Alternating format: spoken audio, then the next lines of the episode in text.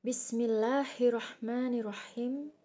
Assalamualaikum warahmatullahi wabarakatuh. Innal hamdalillah nahmaduhu wa nasta'inuhu wa nastaghfiruh. Wa na'udzu billahi min syururi anfusina wa min syai'ati a'malina. May yahdihillahu fala mudhillalah wa may yudlil fala hadiyalah. Asyhadu an la ilaha illallah wa asyhadu anna Muhammadan abduhu wa rasuluh. Yang saya sayangi dan insya Allah selalu mendapatkan rahmat Allah Subhanahu wa Ta'ala, jamaah Majelis Taklim Al-Mar'atus Solihah, Rumah Sakit Umum Fastabik Sehat PKU Muhammadiyah.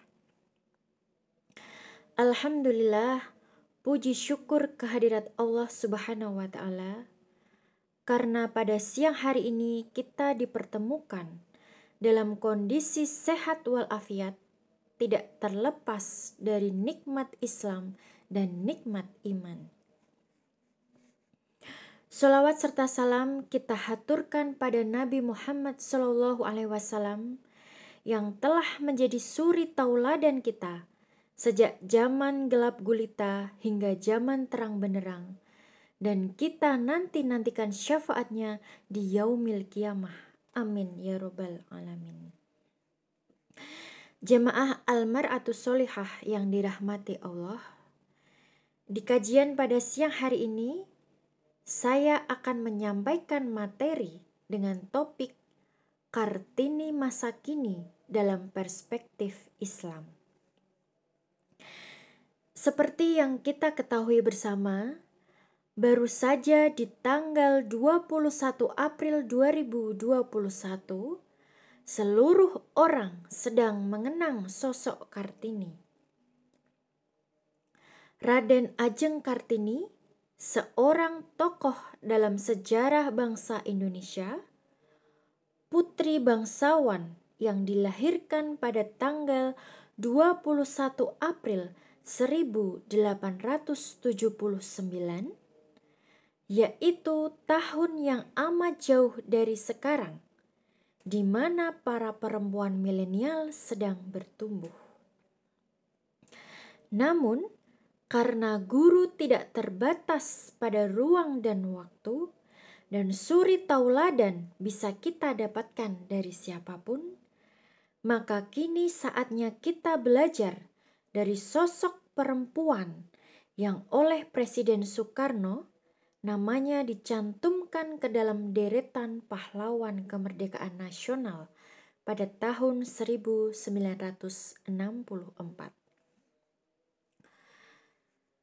Kartini adalah seorang muslimah diriwayatkan bahwa di sela-sela pencarian jati dirinya sebagai muslimah beliau pernah mengalami kegelisahan. Kegelisahan tersebut telah mendorong Kartini untuk menemukan jawaban dengan mencari guru yang mampu memberikan jawaban. Sampai suatu ketika, beliau menemukan guru dalam belajar Islam, yaitu ulama besar Kiai Haji Soleh Darat seorang ulama dari Semarang yang produktif menulis sejumlah kitab.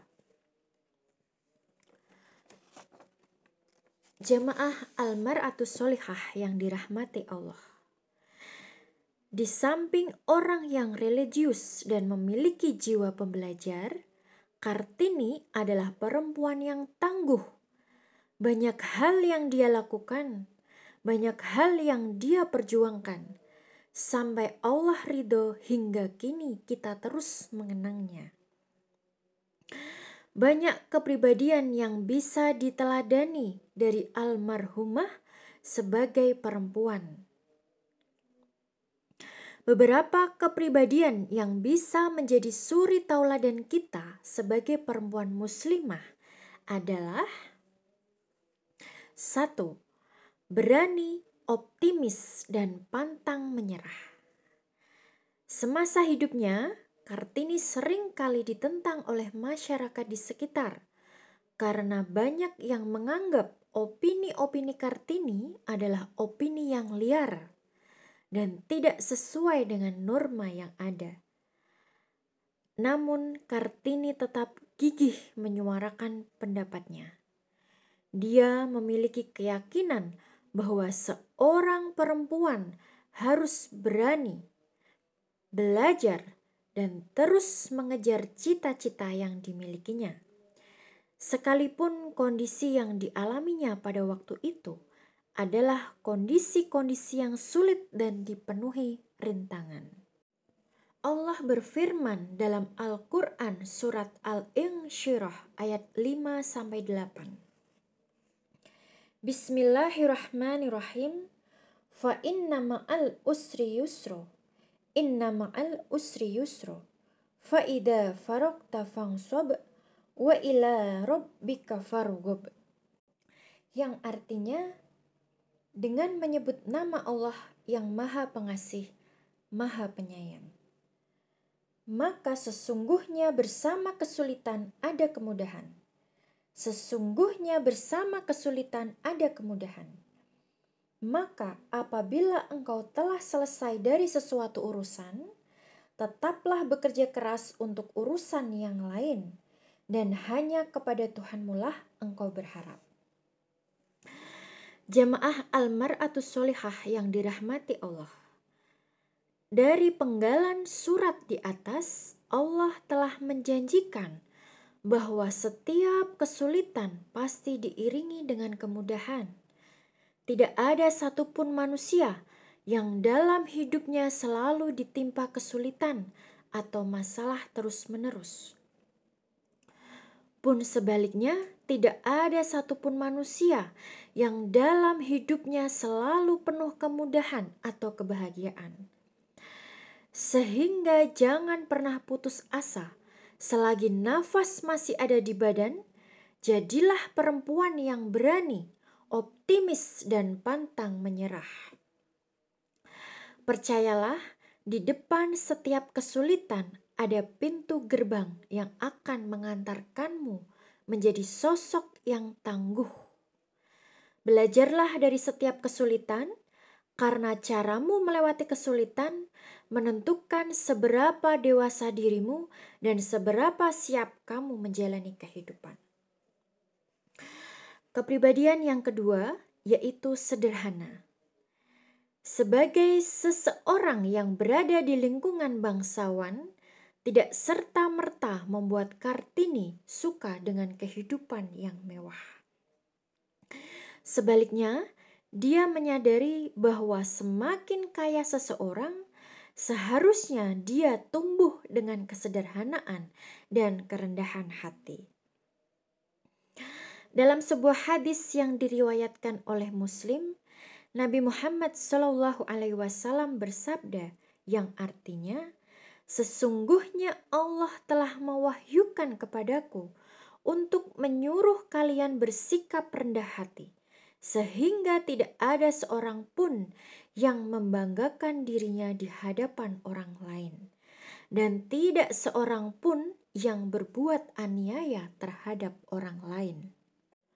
Allah berfirman dalam Al-Quran Surat Al-Ahqaf ayat 20 Bismillahirrahmanirrahim.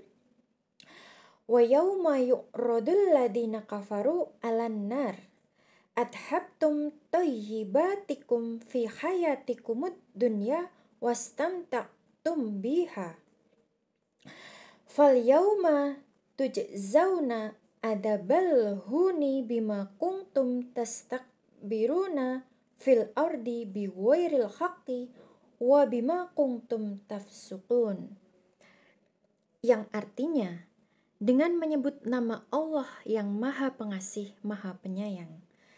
Dan ingatlah pada hari ketika orang-orang kafir dihadapkan ke neraka, seraya dikatakan kepada mereka, "Kamu telah menghabiskan rizki yang baik untuk kehidupan duniamu, dan kamu telah bersenang-senang menikmatinya. Maka pada hari ini kamu dibalas dengan azab yang menghinakan." karena kamu sombong di bumi tanpa mengindahkan kebenaran dan karena kamu berbuat fasik. Jamaah Al-Mar'atus Solehah yang dirahmati Allah, kita sebagai perempuan haruslah memiliki jiwa sederhana. Sikap yang berlebihan atau bermegah-megahan akan menjauhkan seseorang dari melakukan ketaatan atau ibadah pada Allah Subhanahu wa taala. Misalnya membaca Al-Qur'an Al-Karim atau beramal solih lainnya. Seseorang yang sering bermegah-megahan tentu akan lebih senang memikirkan perkara duniawi dibandingkan perkara akhirat. Padahal kehidupan akhirat adalah kehidupan yang kekal dan siap menanti kedatangan kita suatu hari nanti. Percayalah, perempuan yang cantik lahir dari kesederhanaan dan kemuliaan hatinya. Kepribadian yang ketiga yaitu rela berkorban. Kartini semasa hidupnya sering kali berkorban dalam banyak hal. Salah satu hal yang dia korbankan adalah dia mau dijodohkan demi berbakti terhadap kedua orang tuanya. Namun, jangan diartikan bahwa setiap perjodohan adalah baik. Hanya saja, dari hal tersebut, kita bisa belajar bahwa di dalam berjalannya proses kehidupan, kita sering kali dihadapkan dengan pilihan-pilihan. Misalnya, pilihan tentang kepentingan pribadi, keluarga, pekerjaan, atau umat. Kita hanya bisa memilih, dan tentu ada hal lain yang harus dikorbankan. Raga kita hanya satu, tidak dapat menyelesaikan banyak hal dalam satu waktu, sehingga bijak dan cerdaslah dalam menentukan pilihan. Pelajari manfaat dan mudorotnya. Tentukan skala prioritas dan belajarlah ikhlas, karena pasti ada hal yang dikorbankan. Dalam memutuskan pilihan, tidak jarang kita mengesampingkan kepentingan pribadi demi kepentingan banyak orang yang kemanfaatannya lebih besar dan mencapai ridho Allah Subhanahu wa taala. Jamaah Al-Mar'atus Solihah yang dirahmati Allah, satu cerita tentang pengorbanan bisa kita ilhami dari kisah Nabi Ibrahim alaihissalam dan Nabi Ismail alaihissalam. Pengorbanan manusia terbesar yang dilakukan oleh Nabi Ibrahim dan Nabi Ismail merupakan bentuk totalitas keimanan yang dipersembahkan kepada Allah Subhanahu wa taala. Keberadaan Nabi Ismail sebagai harta yang dimiliki dan disayangi oleh Nabi Ibrahim tetap saja diserahkan untuk menggapai sebuah tujuan mulia yaitu mendapatkan ridho dari Allah Subhanahu wa Ta'ala. Kehidupan dunia penuh dengan ujian, cobaan, tantangan, persoalan, dan musibah yang semuanya menuntut pengorbanan.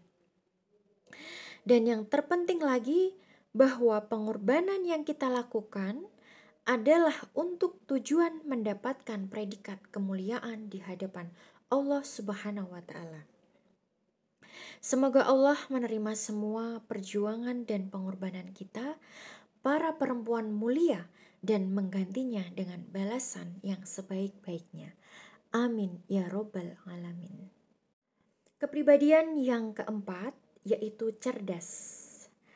Kartini dikenal sebagai sosok yang memiliki kecerdasan dan semangat belajar yang sangat tinggi. Kartini muda juga senang sekali membaca buku untuk menambah wawasannya. Di usia 12 tahun, Kartini berhenti sekolah. Saat berhenti sekolah, ia tetap belajar dan terus berusaha untuk memberikan manfaat dan pengaruh positif orang-orang di sekitarnya. Kartini juga membaca melalui perpustakaan pribadi milik ayahnya yang berisikan buku, koran, dan majalah, baik itu dari dalam maupun luar negeri. Sosial, politik, dan sastra merupakan bacaan yang paling sering ia baca semasa itu. Jamaah atau Solihah yang dirahmati Allah. Seperti yang kita ketahui, manusia lahir ke dunia ini dalam keadaan tidak berilmu. Maka dalam pandangan Islam, umat Islam diwajibkan belajar dan menuntut ilmu pengetahuan. Hal tersebut berdasarkan sabda Rasulullah Shallallahu Alaihi Wasallam dalam hadis yang berbunyi, "Belajarlah karena seseorang tidak dilahirkan dalam keadaan pandai, dan pemilik ilmu itu tidak sama dengan orang yang tidak memiliki ilmu." Ilmu pengetahuan itu bagaikan pelita atau cahaya di malam yang gelap. Ilmu menjadi penuntun manusia untuk menjalani kehidupannya di dunia ini. Dengan ilmu, manusia dapat mengetahui mana yang benar dan mana yang salah. Jika kita menelisik Al-Quran surat Al-Alaq yang diawali dengan lafal Iqra yang artinya bacalah. Itu adalah sebagai dasar perintah untuk belajar atau menuntut ilmu pengetahuan. Ayat ini merupakan perintah tersirat kepada manusia untuk belajar. Mengapa di wahyu pertama ini kita diperintahkan untuk membaca, bukan perintah sholat, bukan perintah puasa, bukan perintah zakat, atau perintah haji? Ini menunjukkan bahwa sebelum kita beramal atau beribadah, kita wajib berilmu oleh karena itu, menuntut ilmu pengetahuan hukumnya wajib bagi kita, termasuk perempuan. Jangan pernah menutup mata akan ilmu.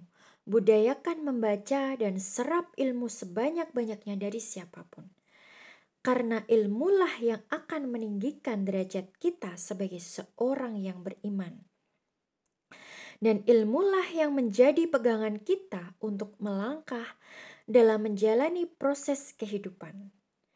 Tidak hanya laki-laki yang harus cerdas, namun perempuan juga harus cerdas, karena sesungguhnya kita adalah sumber cahaya bagi keluarga, pendidik di dalam madrasah bagi anak-anak kita. Jamaah atau Solihah yang dirahmati Allah. Setelah mengetahui tentang sosok Kartini, kita bisa mengambil makna yang tersirat. Kartini yang dulu adalah suri tauladan untuk kita sekarang. Jadilah perempuan dan hamba yang baik, peran-peran lain yang juga merupakan perintah Allah kepada perempuan, tentu kita laksanakan dengan baik pula. Tugas menjadi istri, mendidik generasi atau mengambil peran dalam masyarakat adalah amanah dari Allah Subhanahu wa taala. Kepada perempuan semuanya dititipkan. Dan percayalah, perempuan juga mampu bermanfaat dan berlomba untuk menggapai ridha Allah. Yakinlah jika kita membuat Allah ridho, bukan hanya makhluk bumi yang akan menerima kita, namun makhluk langit pun akan senantiasa membuka tangan selebar-lebarnya. Tentu saja kita ingin menjadi perempuan yang populer di dunia dan akhirat kan? Demikianlah kajian pada siang hari ini. Semoga bisa menjadikan pedoman untuk kita supaya menjadi perempuan bermartabat dan selalu merindukan ridho Allah Subhanahu wa taala. Selamat Hari Kartini. Terima kasih telah mewariskan banyak hal. Terima kasih Kartini, karenamu aku belajar bagaimana menjadi perempuan. Akulah Kartini masa kini, wanita muslimah yang haus berkarya dan bermanfaat untuk umat. Wassalamualaikum warahmatullahi wabarakatuh.